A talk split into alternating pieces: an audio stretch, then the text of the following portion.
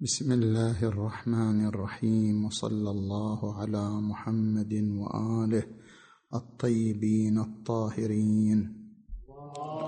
صل وسلم على محمد وآل محمد.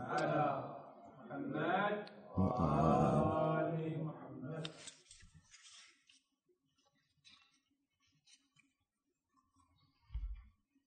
بسم الله الرحمن الرحيم. حاميم والكتاب المبين. إنا جعلناه قرآنا عربيا لعلكم تعقلون. وإنه في أم الكتاب لدينا لعلي حكيم. حديثنا حول لغة القرآن والعناصر البشرية التي عنيت بها لغة القرآن.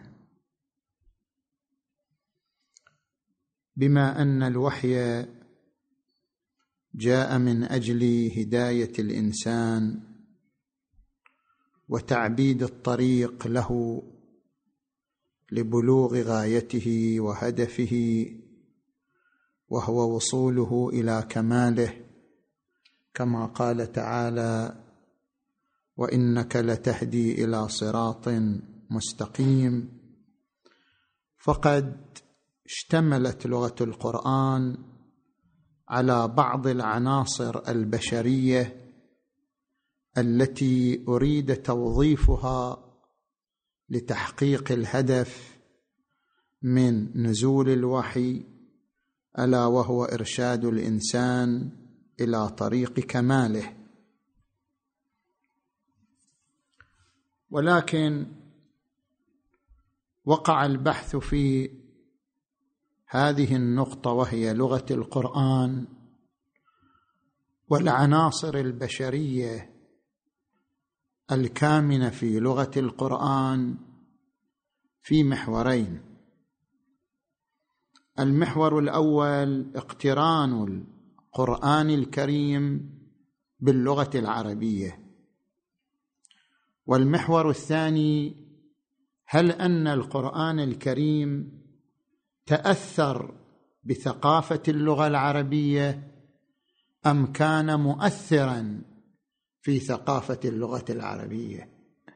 يعني هل أن القرآن الكريم مؤثر أم متأثر؟ فنتحدث اولا عن المحور الأول ألا وهو اقتران القرآن الكريم باللغة العربية.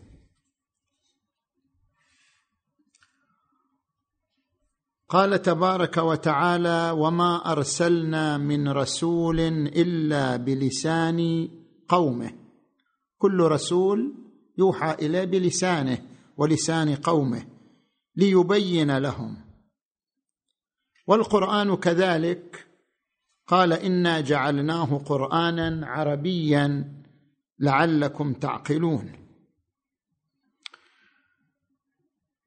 الآية المباركة وهي قوله تعالى وما كان لبشر أن يكلمه الله إلا وحيا أو من وراء حجاب أو يرسل رسولا قسمت الوحي إلى ثلاثة أقسام.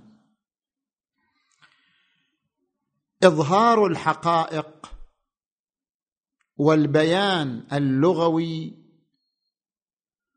وإظهار الحقائق عبر البيان اللغوي.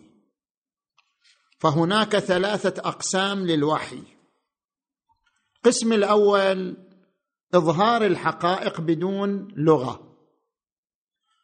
نظير ما حصل لإبراهيم الخليل بالنسبة لذبح ولده إسماعيل قال تعالى فلما بلغ معه السعي قال يا بني إني أرى في المنام أني أذبحك فانظر ماذا ترى. قال يا أبت افعل ما تؤمر ستجدني إن شاء الله من الصابرين الذي أوحي إلى إبراهيم في منامه هو حقيقة من الحقائق. لم تكن عبر لغة لم تكن عبر لسان معين وهذا يعتبر النحو الأول من أنحاء الوحي. النوع الثاني أن يكون الوحي لغة كما ظهر في الآيات بالنسبة إلى موسى بن عمران عليه وعلى نبينا وآله. قال تعالى وكتبنا له في الألواح. كتبنا. يعني إحنا أنزلنا عليه لغة مكتوبة. وكتبنا له في الألواح من كل شيء موعظة وتفصيلا لكل شيء. فخذها بقوة وأمر قومك يأخذوا بأحسنها. سأريكم دار الفاسقين.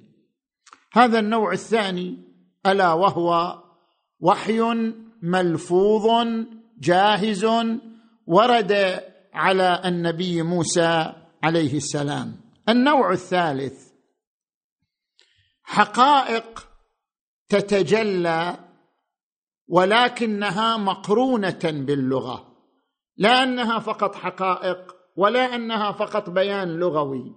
حقائق تتجلى مقترنة حين تجليها بلغة بإزائها.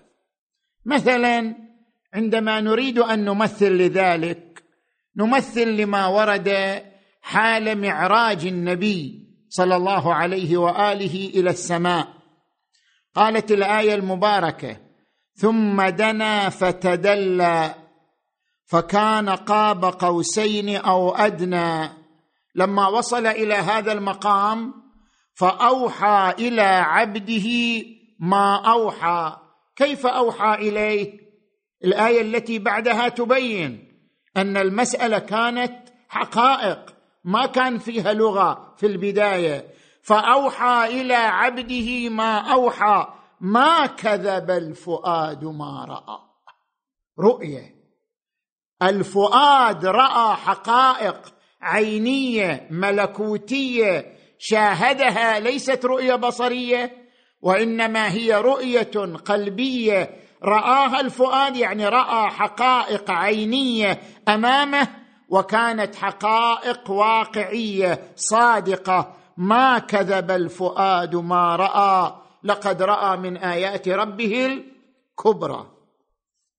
ثم تشرح الرواية في عندنا رواية صحيحة عن الإمام الصادق عليه السلام تشرح أن هذه أن هذا الوحي كان حقائق بإزائه لغة. يعني كان حقائق مقرونة باللغة. مثلا قال له الله تبارك وتعالى في ضمن لقائه به عند سدرة المنتهى قال له الله تعالى آمن الرسول بما أنزل إليه من ربه. فقال رسول الله صلى الله عليه وآله والمؤمنون كل آمن بالله وملائكته وكتبه ورسل كأنما هناك حوار بين الله وبين رسوله مع أن هذه آيات من القرآن. لكن الإمام الصادق يقول هذه المجموعة من الآيات كانت حوارا بين الله وبين رسوله عند عروجه إليه. الله يقول آمن الرسول بما أنزل إليه من ربه. الرسول يقول والمؤمنون كل آمن بالله وملائكته وكتبه ورسله. ثم قال صلى الله عليه وآله ربنا لا تؤاخذنا إن نسينا أو أخطأنا. فقال تعالى قد فعلت. قال ربنا ولا تحملنا ما لا طاقة لنا به واعف عنا إلى آخر هذه الأدعية والمناجات التي سجلها القرآن الكريم وكانت آيات من ضمن القرآن الكريم ولكن الرسول نطق بها صلى الله عليه وآله عند عروجه إلى السماء. هذا النوع الثالث من الوحي. هنا طبعا إشكال أو سؤال. أنه الوحي كما قلتم هو حقائق. حقائق ملكوتية عينية. فكيف تتنزل هذه الحقائق الملكوتية العينية تتنزل وتصبح شنو؟ ألفاظ. وتصبح كلمات. كيف نجمع بين الأمرين؟ يعني الوحي من جهة هو حقائق. من جهة أخرى الكلمات قضايا اعتبارية. يعني العرب اعتبروا كلمة ماء تعني هذا السائل. لغة أخرى اعتبروا ووتر تعني هذا السائل. هذا اختلاف اعتباري. يعني ليس بين كلمة ماء وبين هذا السائل. أي علاقة؟ تكوينية. ليس بين كلمة ووتر وبين هذا السائل أي علاقة؟ تكوينية. علاقة الألفاظ بالمعاني مجرد علاقة اعتبارية. نتيجة اختيار قوم لهذه اللغة واختيار قوم آخرين للغة أخرى. العلاقة علاقة اعتبارية. بينما الوحي عبارة عن حقائق ملكوتية عالية فكيف ارتبطت تلك الحقائق الملكوتية العالية بألفاظ؟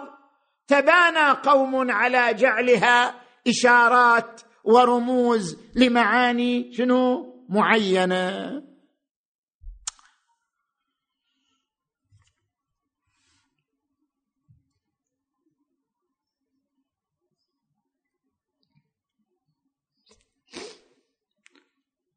حتى نوضح الجواب. طبعا إحنا نرجع إلى بحث بحثنا قبل ليلتين حول حقيقة الوحي. يفيدنا البحث حول حقيقة الوحي قبل ليلتين في الجواب عن هذا السؤال. ذكرنا قبل ليلتين أن كل موجود كل موجود مو بس الإنسان كل موجود كل موجود حي مر بعوالم ثلاثة. عالم العقل وعالم المثال وعالم المادة. وهذا ما أشارت إليه الآية المباركة وإن من شيء إلا عندنا خزائنه. هو في عالم عندنا وما ننزله إلا بقدر معلوم. ينزل من عالم العقل إلى عالم المثال إلى عالم المادة. كل موجود يمر بقوس النزول. يعني ينزل هذه المراحل الثلاث وهذه الدرجات الثلاث. زين. أيضا الوحي كذلك. مر بهذه المراحل. الوحي هو حقائق. حقائق في عالم فوق عالم الجبروت. يعني في عالم فوق عالم العقل. فوق عالم العقل. عالم أعلى من عالم الجبروت الذي هو عبارة عن عالم العقل. وهذا العالم هو ما عبر عنه القرآن الكريم بقوله وإنه في أم الكتاب لدينا لعلي حكيم. قبل أن ينزل كان في عالم الكتاب. وإنه في أم الكتاب لدينا لعلي حكيم. وقال إنه لقرآن كريم في لوح محفوظ. اذا قرآن نفس الشيء كحقائق من عالم عرشي إلى عالم جبروتي إلى عالم مثالي. يعني تلك الحقائق تلبست بصور لأن عالم المثال كل عالم صور بدون لغة بدون رموز. إلى عالم مادي تلك الحقائق تلبست بصور لغوية بصور ملفوظة. فكما أن الحقائق هي في قوس نزول متصل. طبعا هو ما ينقطع هو كأنه مثل الماء الذي ينساب من درجة إلى درجة أخرى. افترض الماء في مثلا في الفضاء له لون معين ينزل إلى طبقة يصير إلى لون ثاني هو الماء ما يتغير ينزل إلى الأرض يصير إلى لون ثالث. هو هو الوحي هو هو. هو تلك الحقيقة المتعالية هو تلك الصورة المثالية هو تلك المادة اللغوية. هو هو يلبس هذه الصور المختلفة من دون أن ينقطع. كما أن الحقائق كذلك فإن الألفاظ كذلك. وبالتالي يأتي الوحي بما يتطابق مع لغة النبي. الذي أوحي إليه من أجل التيسير على فهم الآخرين لحقائق الوحي وما أرسلنا من رسول إلا بلسان قومه ليبين لهم. زين.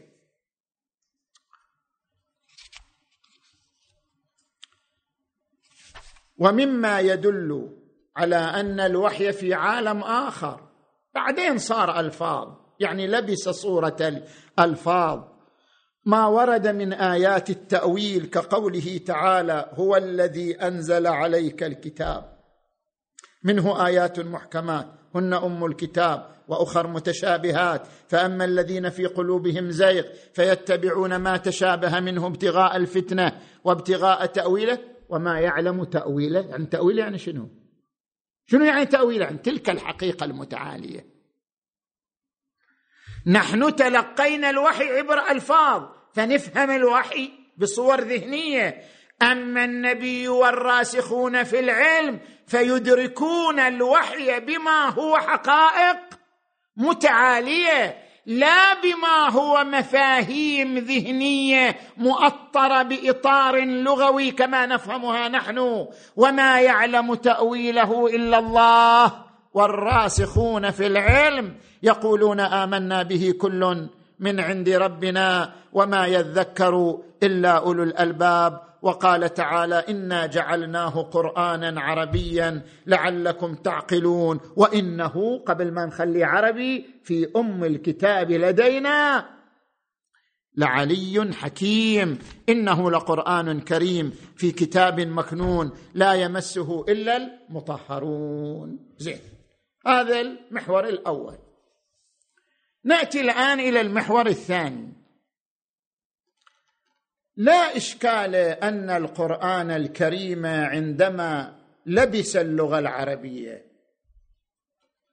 ونزل بلغة النبي ولسان النبي استخدم عناصر بشرية. يعني استخدم أمثلة استخدم ثقافة موجودة عند العرب. طرح كل أمثلة عربية طرح ثقافة عربية. بالنتيجة استخدم وظف عناصر بشرية مادية في سبيل إيصال الحقائق تلك الحقائق المتعالية. لعلها يصل عشر منها خمس منها إلى أفهام الناس. بالنتيجة هو استخدم عناصر بشرية لإيصال تلك الحقائق. من هنا ولد اتجاهان عند المسلمين. اتجاه أن الوحي متأثر واتجاه أن الوحي مؤثر. هل أن استخدام القرآن للعناصر البشرية يعني أن الوحي تأثر باللغة العربية وثقافتها؟ يعني اللغة العربية فرضت نفسها على القرآن؟ فرضت ثقافتها على القرآن؟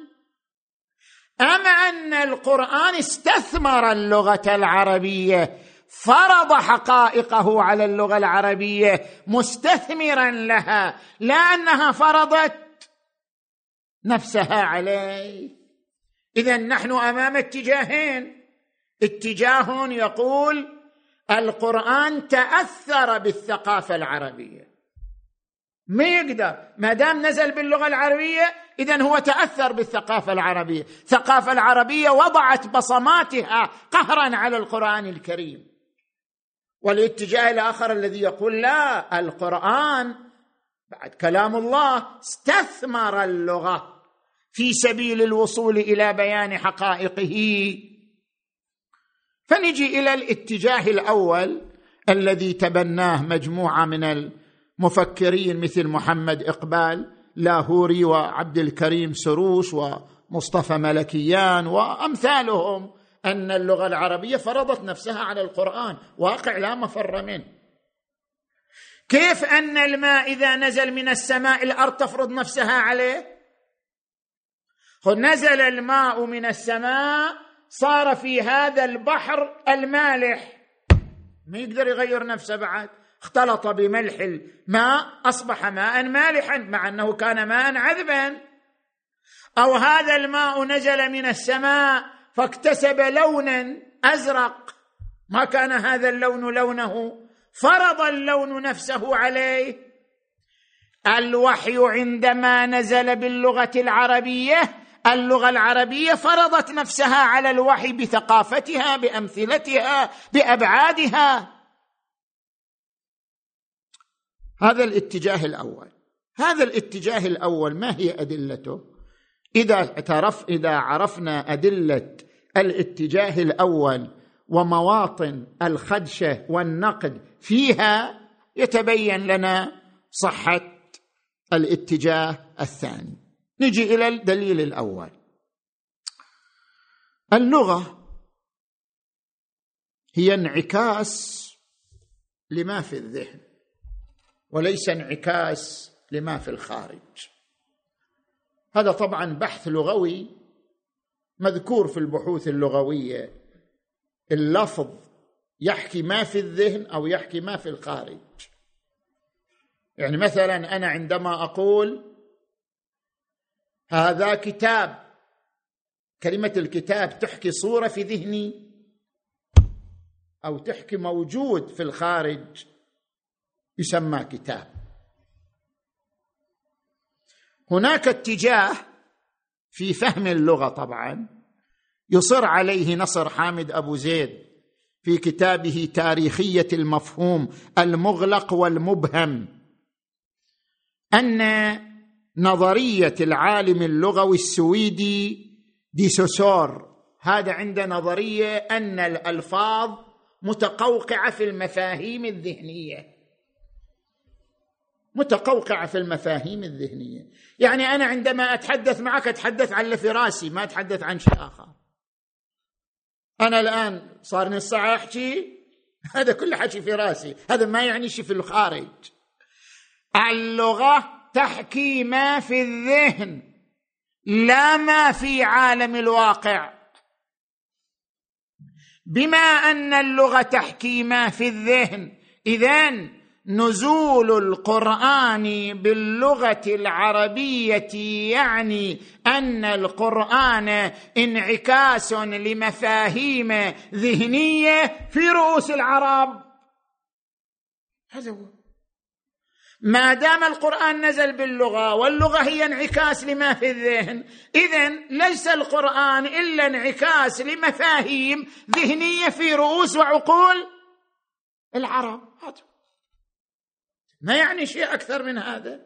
فإذا كان انعكاسا لمفاهيم يعيشها العرب في أذهانهم اذا فبالنتيجة قهر القرآن تأثر القرآن تأطر القرآن بهذه المفاهيم الذهنية التي يعيشها الذهن العربي. ولذلك هؤلاء أصحاب هذه المقالة يصرون على أن الجن والحسد والسحر هذه كلها ما لها واقع. وإنما هذه ثقافة اللغة العربية دول العرب. العرب يؤمنوا بالجن والسحر والحسد وإلا هذه الأمور لا واقع لها.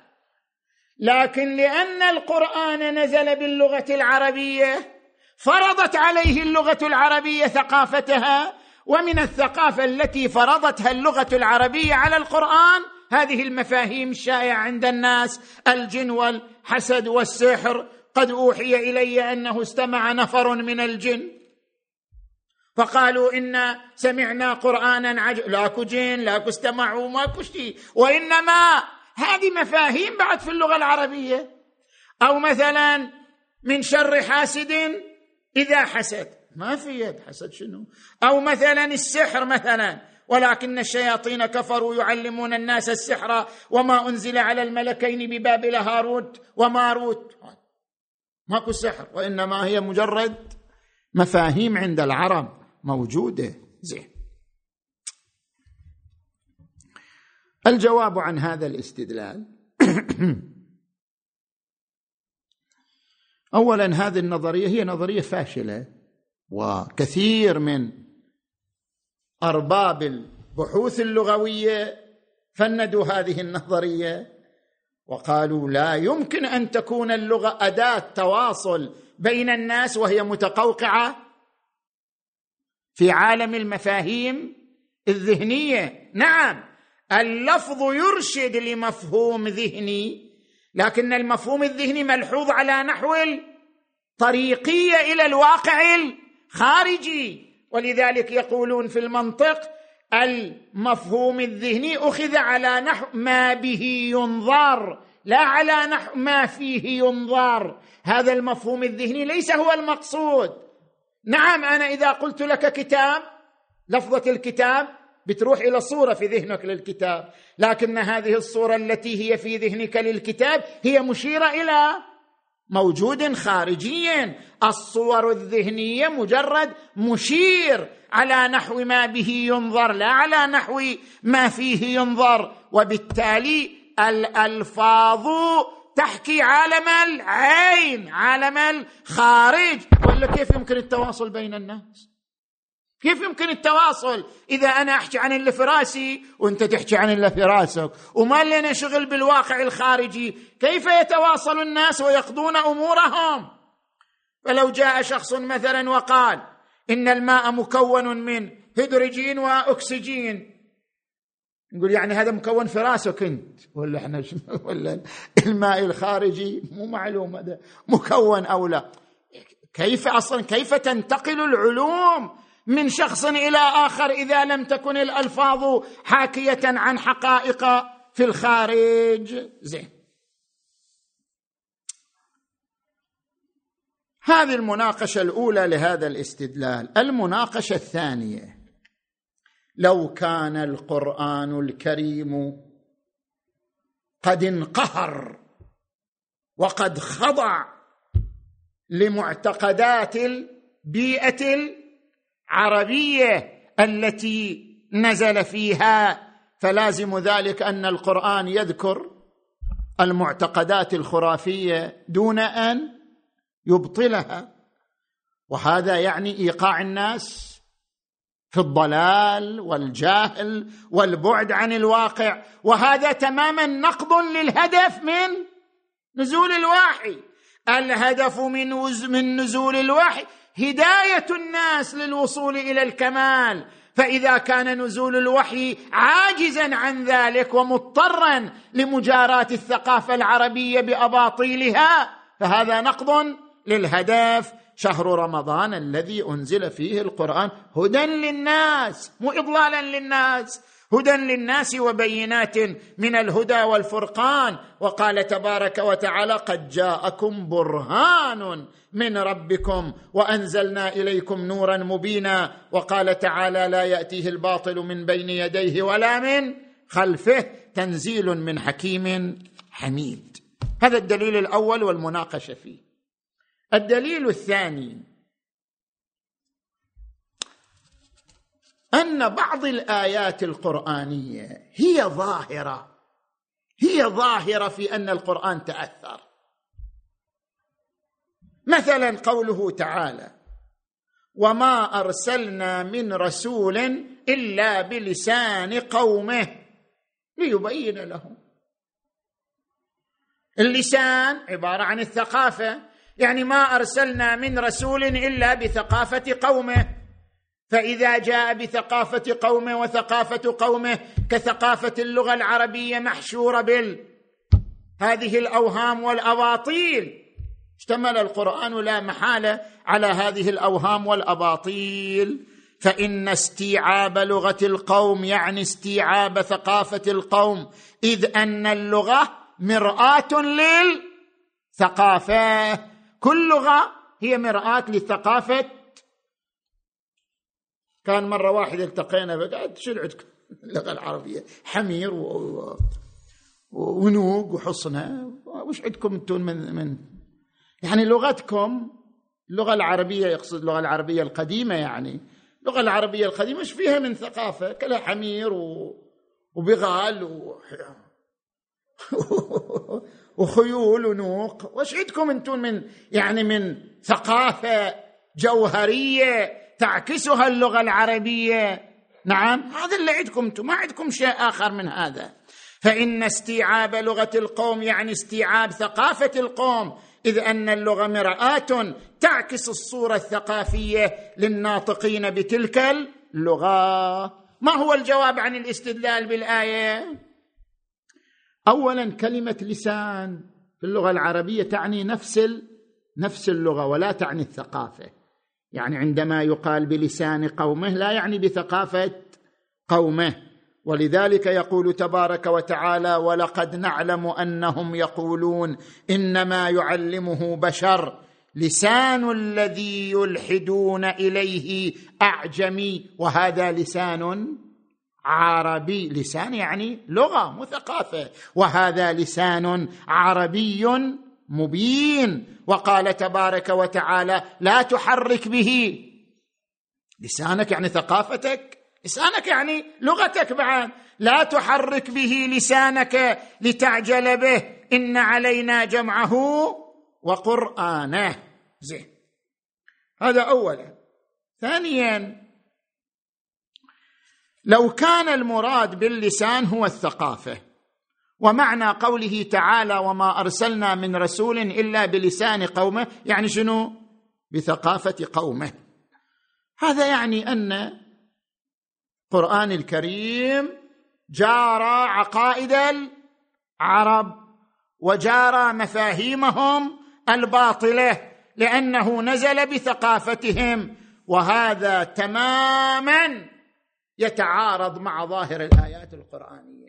التي ظاهرها أن القرآن ليس القرآن كل كل أنواع الوحي التي نزلت على الأنبياء السابقين كانت في مقام الحرب والمواجهة للثقافة السائدة إذا كانت تشتمل على مفاهيم باطلة قال تبارك وتعالى ألم يأتكم نبأ الذين من قبلكم قوم نوح وعاد وثمود والذين من بعدهم لا يعلمهم إلا الله جاءتهم رسلهم بالبينات فردوا أيديهم في أفواههم وقالوا إنا كفرنا بما أرسلتم به وإنا لفي شك مما تدعوننا إليه مريب مع أنه لو كان الوحي مجاريا لثقافتهم لما قالوا لهم إنا كفرنا بما أرسلتم به وإنا لفي شك مما تدعوننا إليه. شنو؟ مريب. زين.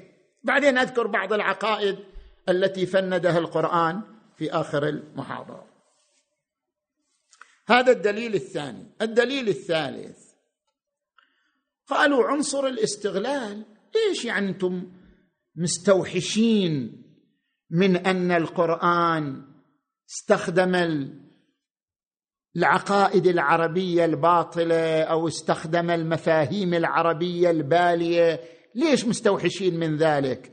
استخدمها لأجل الاستغلال يعني من أجل أن يصل إلى هدفه وهو توعية الناس وهدايتهم استغل هذه العقائد العربية استغل هذه المفاهيم العربية من أجل الوصول إلى هدفه. فالمسألة مسألة استغلال وليست المسألة مسألة انبهار وانقهار يعني أن القرآن قهر أمام ثقافة اللغة العربية وإنما استغلها في سبيل الوصول إلى هدفه فذكر الجن والحسد والسحر والشيطان ومس الشيطان وكل هذه عقائد بالية استخدمها لأجل استغلالها للوصول إلى هدفه. هذا أيضا المعنى ذكره دكتور طه حسين في بعض كتبه.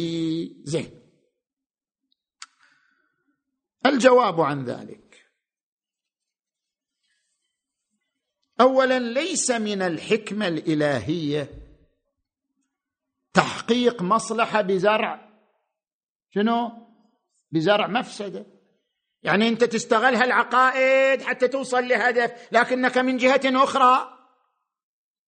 تفتح بابا لمفسدة لا يساد لأنك من جهة أخرى ذكرت عقائد باطلة ومفاهيم بالية من دون أن تنقضها ومن دون أن تنقدها. حققت مصلحة بزرع. شنو؟ مفسدة. وهذا مخالف للحكمة قطعا. ولذلك يقول القرآن الكريم والذي أوحينا إليك من الكتاب هو الحق. إذا يذكر عقائد باطلة ومفاهيم بالية كيف يقول والذي أوحينا إليك من الكتاب هو الحق إنه لقول فاصل. وما هو؟ بالهازل ويقول القرآن الكريم أفحكم الجاهلية يبغون؟ ومن أحسن من الله حكما لقوم يؤمنون؟ إن قلت هذا كثير ما يستشهد به بعض الأخوة. أن الرسول صلى الله عليه وآله قال أنا معاشر الأنبياء أمرنا أن نكلم الناس على قدر عقولهم. إذا الناس يعتقدوا هالعقائد الباطلة. بعد إحنا نجاريهم من أجل أن نصل إلى أهدافنا. أنا معاشر الأنبياء أمرنا أن نكلم الناس على قدر عقولهم. جواب هذا السؤال. ما معنى على قدر عقولهم؟ يعني نخاطبهم بلغة سلسة سهلة يفهمونها ولا نحمل عليهم لغة أعلى مما يفهمون أو مصطلحات أصعب مما يستوعبون. نخاطبهم بلغة سلسة سهلة كي يصلوا إلى الحقائق عبر هذه اللغة. لأن معنى أننا نخاطبهم على قدر عقولهم يعني نقرهم على عقائدهم الباطلة ومفاهيمهم البالية من أجل الوصول إلى أمر آخر كما يدعى. زين. نجي إلى الدليل.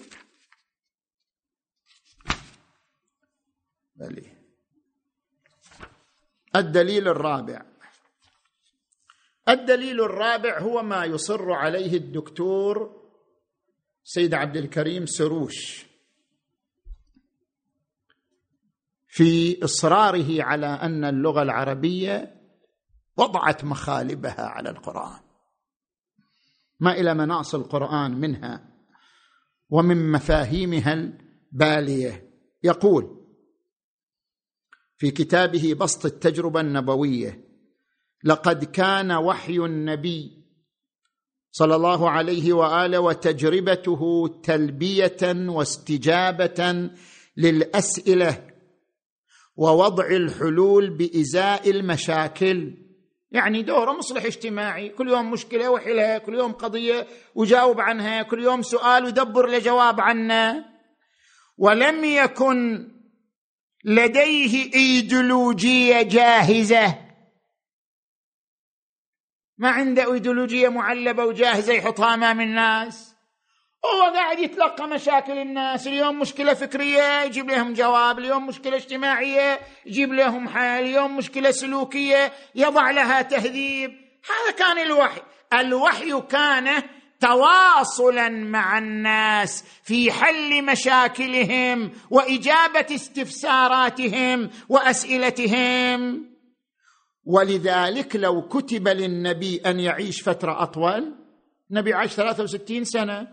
لو كتب له أن يعيش فترة أطول وأن يتعرض لحوادث اجتماعية وسياسية أكثر لكانت مواقفه أكثر. وهذا معنى ما نصر عليه أن حجم القرآن سيكون أكبر بكثير مما عليه الآن. ترى حجم القرآن مو جاهز من أول هو. يعني الله من أول قبل ما يخلق البشر صمم حجم القرآن. وتالي أنزل لا هذا حجم القرآن تابع لحياة النبي. النبي كان مدة الرسالة 23 سنة صار القرآن هذا قد ستة آلاف ومائتين وكذا آية.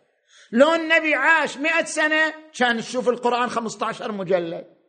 لو النبي عاش 150 سنة كان صار القرآن 20 مجلد. وهكذا. القرآن إجابة للأسئلة وحل للمشاكل. القرآن يمتد بامتداد حياة النبي. هذا مو مو مفاهيم معلبة جاهزة. أنزلها النبي أنزلها الله على النبي ووضعها النبي بأيدي الناس. فلأجل ذلك ما دام القرآن لغة تواصل من الطبيعي أن يخضع القرآن إلى العادات والتقاليد السائدة لدى العرب لأن هدفه أن يحل المشاكل ويعالج هذه المفاسد فقد يمضي بعض العقائد وقد يمضي بعض المفاهيم الباطلة. زين. الجواب عن هذا الاستدلال. اولا القرآن اشتمل على محكم وتفصيل. في قوله تعالى كتاب أحكمت آياته ثم فصلت. من لدن حكيم خبير مو واحد عادي خبير. يفتهم وين وين يضع الكلام؟ معنى هذه الآية أن القرآن فيه أسس وفيه تفريعات. الأسس والمبادئ العامة جاهزة واضحة. من الأول إيديولوجية جاهزة. التفريعات خضعت. شنو؟ للمواقف التي عاشها النبي صلى الله عليه وآله. اذا القرآن قسمان. كما يقول السيد السيستاني دام ظله روايات أهل البيت مو نوع واحد روايات أهل البيت نوعان تعليم وإفتاء. يعني تارة يكون المعصوم في مقام التعليم. يعني يضع خطوط عامة يضع قواعد كلية. علينا إلقاء الأصول وعليكم التفريع. وتارة يكون الإمام في مقام الإفتاء. يروح الحج يسالوه مسائل يجاوب عنها. هو في المدينة يزوروه يسالوه عن مسائل يجيب عنها. أحيانا يكون في مقام وضع كليات واحيانا يكون في مقام الإجابة على الاستفتاءات والأسئلة. القرآن كذلك في خطوط عامة وفيه تفاصيل. فمن الخطوط العامة التي يتحدث عنها القرآن الكريم ليس كمثله شيء وهو السميع البصير لا إله إلا هو الحي القيوم ثم استوى إلى السماء وهي دخان الرحمن على. هذه كلها خطوط عامة. هذه مي خاضعه للعرب ولا للاتصال بالعرب. فهم العرب أم لم يفهموا هذه آيات تتحدث عن خطوط عامة؟ وهناك آيات تتحدث عن تفاصيل. قد سمع الله قول التي تجادلك في زوجها وتشتكي. وإذ تقول الذي أنعم الله عليه وأنعمت عليه أمسك عليك زوجك. واتق الله. زين؟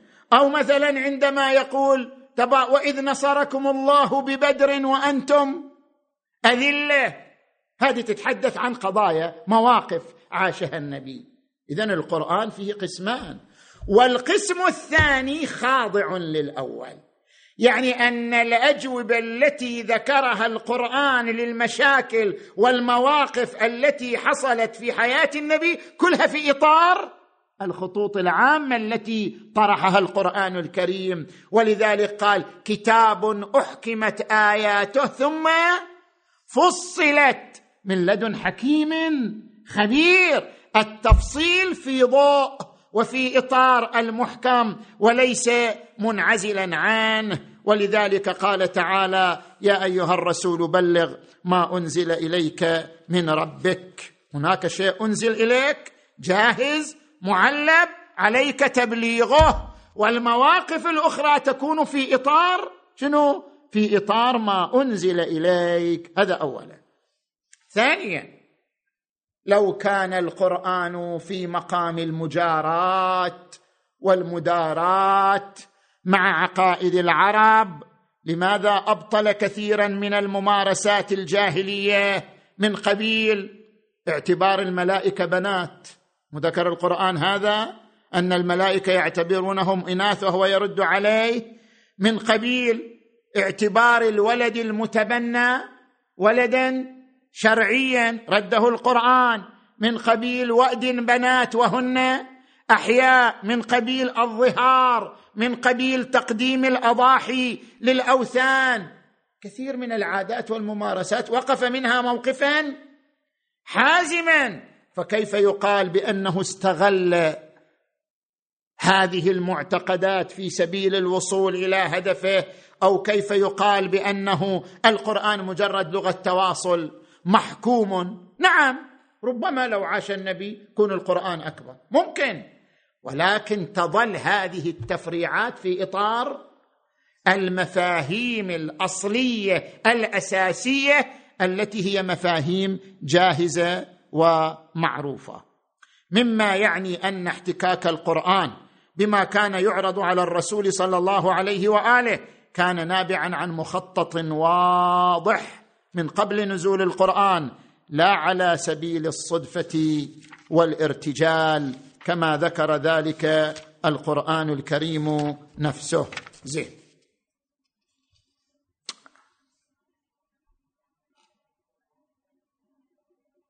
هذا ثانيا ثالثا اشتمل القرآن. نحن لا ننكر ذلك. لاحظوا هذه النقطة بدقة.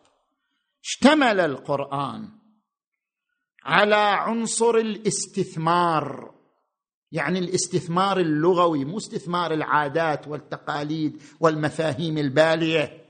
استثمار العنصر اللغوي لأن اللغة العربية هي أكثر اللغات. شنو؟ أكثر اللغات حشد. يعني اللغة العربية المعنى الواحد إذا ترى شوف إلى عشر ألفاظ.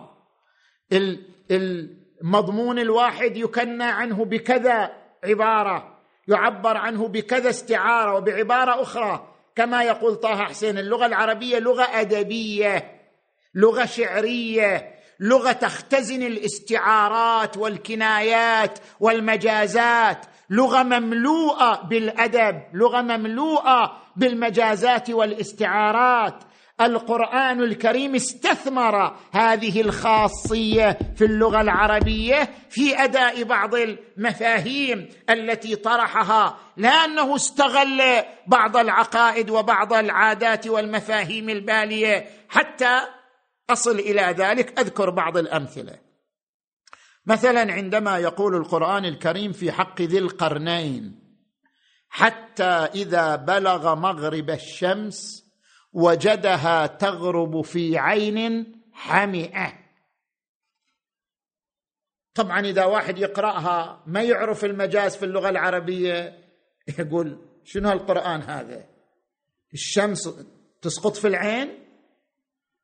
لو يجيبوا مثال على بعض القرى طاح قمرنا في البير جيبوا حبال نيرة زين؟ يقولوا هؤلاء كانوا يظنون أن القمر طاح في البير وقالوا جيبوا حبال طلع من البير. زين؟ لأنهم رأوا صورة القمر في البئر. هذا أيضا يقول شنو هذه شنو هذا القرآن اللي يقول؟ وجدها تغرب في عين حمئة شلون القرآن تغ... شلون الشمس تغرب في عين حمئة كله تعبير تعبير أدبي تصوير. شلون أنت تصور منظر الشمس حال الغروب؟ يعني أنت تقف على محيط وتشوف الشمس في غرب هذا المحيط. كأنها تنزل شنو؟ إلى البحر. كأنها تغرق في البحر. تمام لو لا؟ هذا تصوير سينمائي. هذا القرآن يحكي صورة جميلة أدبية وجدها ذو القرنين عندما وصل إلى بلاد آخر بلاد المغرب ما وراءه إلا المحيط المحيط الهادي. حتى إذا بلغ مغرب الشمس وجدها تغرب في عين حمئه تعبير مجازي استعاره مجازية. نعم القرآن استثمر هالنوع من الاستعارات في اللغة العربية من أجل بيان بعض الحقائق. أو قول القرآن الكريم مثلا يد الله فوق أيديهم. ومعلوم أن الله ليس له يد جسمانية وإنما المقصود القدرة قدرة الله وقوته فوق القوى وفوق القدرات الأخرى. فكما أن القرآن الكريم في مقام إيصال الناس إلى الكمال استثمر اللغة العربية ومجازاتها واستعاراتها. كذلك القرآن الكريم في مقام العقائد تدرج في محوها. لا أنه داراها وجاراها بل نقضها لكن بشكل تدريجي كما في الخمر. اولا عبر عن القرآن عن الخمر بأنه إثم ثم تطور وقال نهى عن الصلاة في حال السكر لا تقربوا الصلاة وأنتم سكارى أو المساجد. ثم بين أنه رجس يسألونك عن الخمر والميسر والأنصاب وال... إنما الخمر والميسر والأنصاب والأزلام رجس من عمل الشيطان. شنو؟ فاجتنبوه. زين. نجي إلى آخر دليل ونختم به من الأدلة التي استدل بها على أن القرآن الكريم أو الوحي الكريم تأثر باللغة العربية. كان متاثرا ولم يكن مؤثرا. زين؟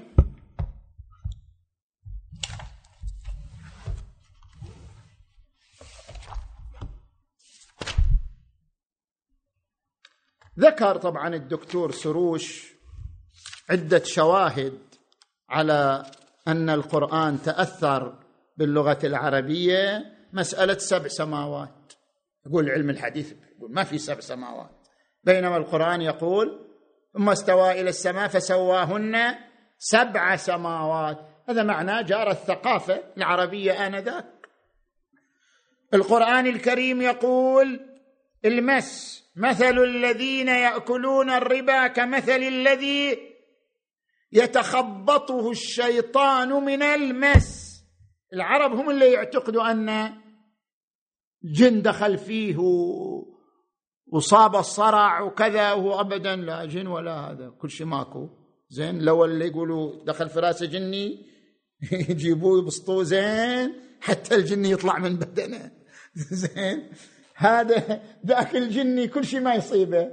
وهذا وهذا ينرض بدنه كله بالدق علشان ذاك الجني اللي, اللي دخل فيه.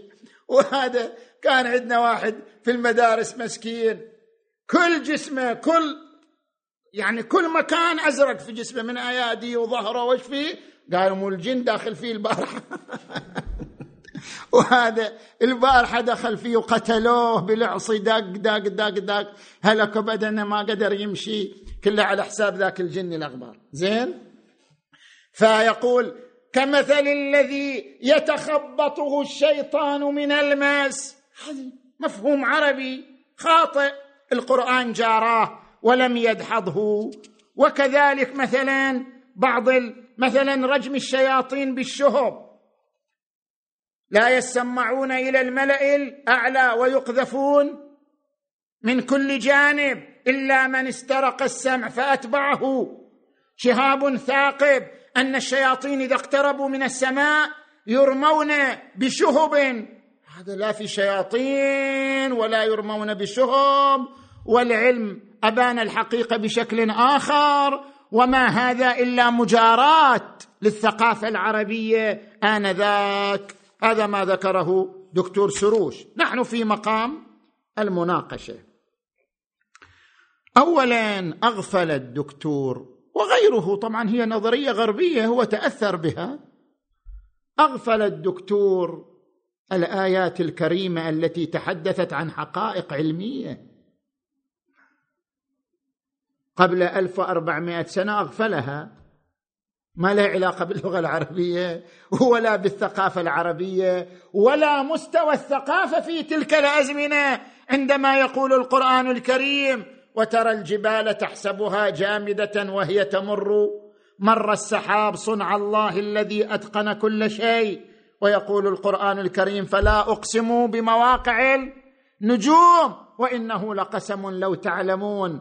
عظيم. ويقول القرآن الكريم أولم يروا أنا نأتي الأرض ننقصها من أطرافها؟ ويقول القرآن الكريم يخلقكم في بطون أمهاتكم خلقا من بعد خلق في ظلمات. كل هذا بعيد عن الثقافة العربية. أصلا العرب لا يفهمون. أصلا هذه الآيات بقيت مجملة مبهمة. حتى الآن في بعض التفاسير هي آيات مجملة مبهمة لأنهم لم يصلوا إلى معناها ومغزاها. أين المجاراة للثقافة العربية؟ أين القرآن خضع للغة العربية وانقهر بها بحيث لا يستطيع الخروج عن معتقداتهم. هذا اولا وثانيا. عندما نأتي للآيات التي استشهد بها شوفوا لاحظوا الآية القرآنية. يقول ولقد زينا السماء الدنيا.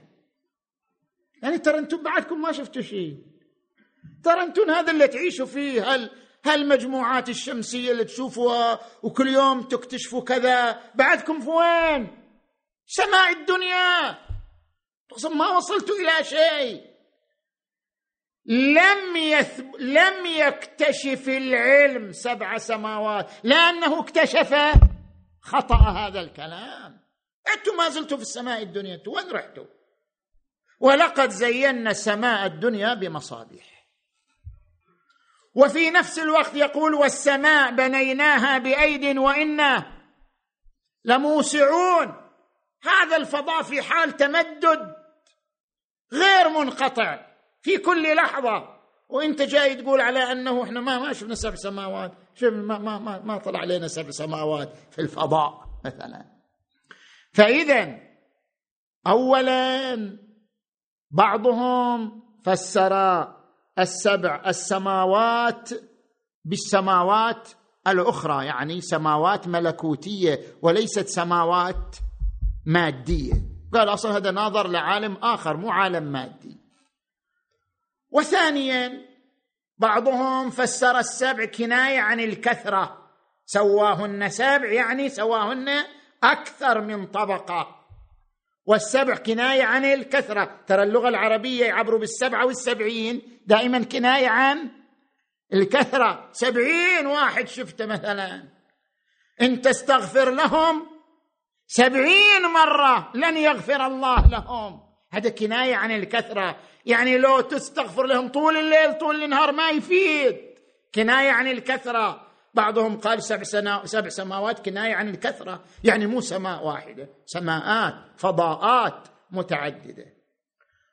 وثالثا على فرض أنها سماوات مادية وهي سابع اي مانع يعني إلى الآن العلم لم يمنع من ذلك أن تكون هناك حدود فضائية لم يكتشفها العلم بعد وهي تعبر عن سبعة حدود لهذه المنظومة الفضائية. زين نجي الآن إلى الآية الثانية. مثل الذين يأكلون الربا كمثل الذي يتخبطه الشيطان من الماس. ذكر عدة مفسرين منهم سيد الطباطبائي أنه من المحتمل أن المراد بالمس المس الذهني مو المس البدني. مثلا الآن إحنا الآية القرآنية التي نقول إنه لقرآن كريم في كتاب مكنون لا يمسه يعني لا يمسه يعني مس بدني مس مادي لا. المقصود من المس المس الذهني يعني لا يصل إلى حقائق القرآن الكريم بذهنه إلا المطهرون. كمثل الذي يتخبطه الشيطان من المس مس فكري هذا. يعني الشيطان يسيطر عليه على فكره فيبث فيه الوساوس ويبث فيه الأفكار المنحرفة. مثل الذين يأكلون الربا مثل هؤلاء الذين يعيشون غواية شيطانية. أفكارهم أوهامهم كلها شنو؟ نتيجة تأثير الشيطان عليهم. ما له علاقة بالمس البدني. هذا اولا. وثانيا صحيح العلم اكتشف الصرع مرض الصرع وأسبابه وربما تكون له أسباب جسدية وربما تكون له أسباب نفسية الصرع. بس ممكن من الأسباب أيضا أسباب شيطانية. يعني نحن بالنتيجة لا نستطيع نفي وجود الجن. لا نستطيع. النتيجة لأن هذا ليس شيئا ماديا حتى ننفيه أو نثبته. عالم الاله عالم الأجهزة عالم المختبرات عالم التجارب كل عالم شنو؟ مادي فلا يمكن أن ينفي شيئا. وراء المادة. فاذا ما يمكن للعلم أن ينفي وجود الجن. فإذا لم يكن للعلم قدرة على نفي وجود الجن لعل للجن سببية إلى بعض أنواع الصرع. بعض أنواع الكآبة النفسية بعض أنواع القلق وما أشبه ذلك. زين. نجي إلى الآية الثالثة. ألا وهي قوله تعالى بلي. لا يسمعون إلى الملأ الأعلى ويقذفون من كل جانب. ذكر السيد الطباطبائي صاحب الميزان أعلى الله مقامه. في الجزء الثاني من الميزان صفحة 416 قال بعضهم فسر ذلك بأن الشياطين يصعدون إلى السماء فيقذفون بالشهب وهذه التفسيرات قدمها المفسرون القدماء استنادا إلى علم الهيئة القديمة وظواهر الآيات والروايات وهي باطلة قد ثبت اليوم بطلانها على نحو يقيني. ثم يقول السيد. إن مسألة قذف الشياطين بالشهب من المسائل الغيبية. قال تعالى لا يسمعون إلى الملأ الأعلى ولعل المراد بالملا الأعلى عالم الملائكة عالم ملكوتي غيبي ميتافيزيقي أصلا مو عالم مادي. الشياطين لا يستطيعون أن يصلون إلى هذا العالم ولو اقتربوا منه لرموا بالشهب. هذا ما له علاقة بالسماء التي نحن نعيش تحتها. لا يسمعون إلى الملأ الأعلى. ملأ أعلى يعني شنو؟ الملأ الذي يضم عالم الملائكة. لا تصل إليه الشياطين لأنها ترمى بالشهوب مع وجود هذا الاحتمال في تفسير الآية المباركة لا معنى للاستدلال بالآية المباركة على أنه هناك عقائد خاطئة ومفاهيم بالية تضمنها القرآن الكريم. اذا بعد مناقشتنا لجميع الأدلة التي أقامها الاتجاه الأول على أن القرآن الكريم خضع للغة العربية بأمثلتها بعقائدها بمفاهيمها البالية تبين أن هذا الاتجاه شنو؟ اتجاه خاطئ القرآن الكريم نزل باللغة العربية واستثمر واستثمر بعض المجازات والاستعارات المعروفة عند العرب من أجل بيان بعض الحقائق لكنه كان هو المؤثر وليس المتأثر هو الفاعل وليس المنفعل. والحمد لله رب العالمين. اللهم صل على محمد وآل محمد. اللهم اغفر ذنوبنا واستر عيوبنا وكفر عنا سيئاتنا وتوفنا مع الأبرار. اللهم اجعلنا في هذا الشهر الشريف من عتقائك من جهنم وطلقائك من النار. وسعداء خلقك بمغفرتك ورضوانك يا أرحم الراحمين. اللهم صل على محمد وآل محمد. اللهم كن لوليك الحجة ابن الحسن. صلواتك عليه وعلى آبائه في هذه الساعة. وفي كل ساعة وليا وحافظا وقائدا وناصرا ودليلا وعينا. حتى تسكنه أرضك طوعا وتمتعه فيها طويلا. برحمتك يا أرحم الراحمين. وإلى أرواح أمواتكم وأموات المؤمنين والمؤمنات. الفاتحة. تسبقها الصلوات.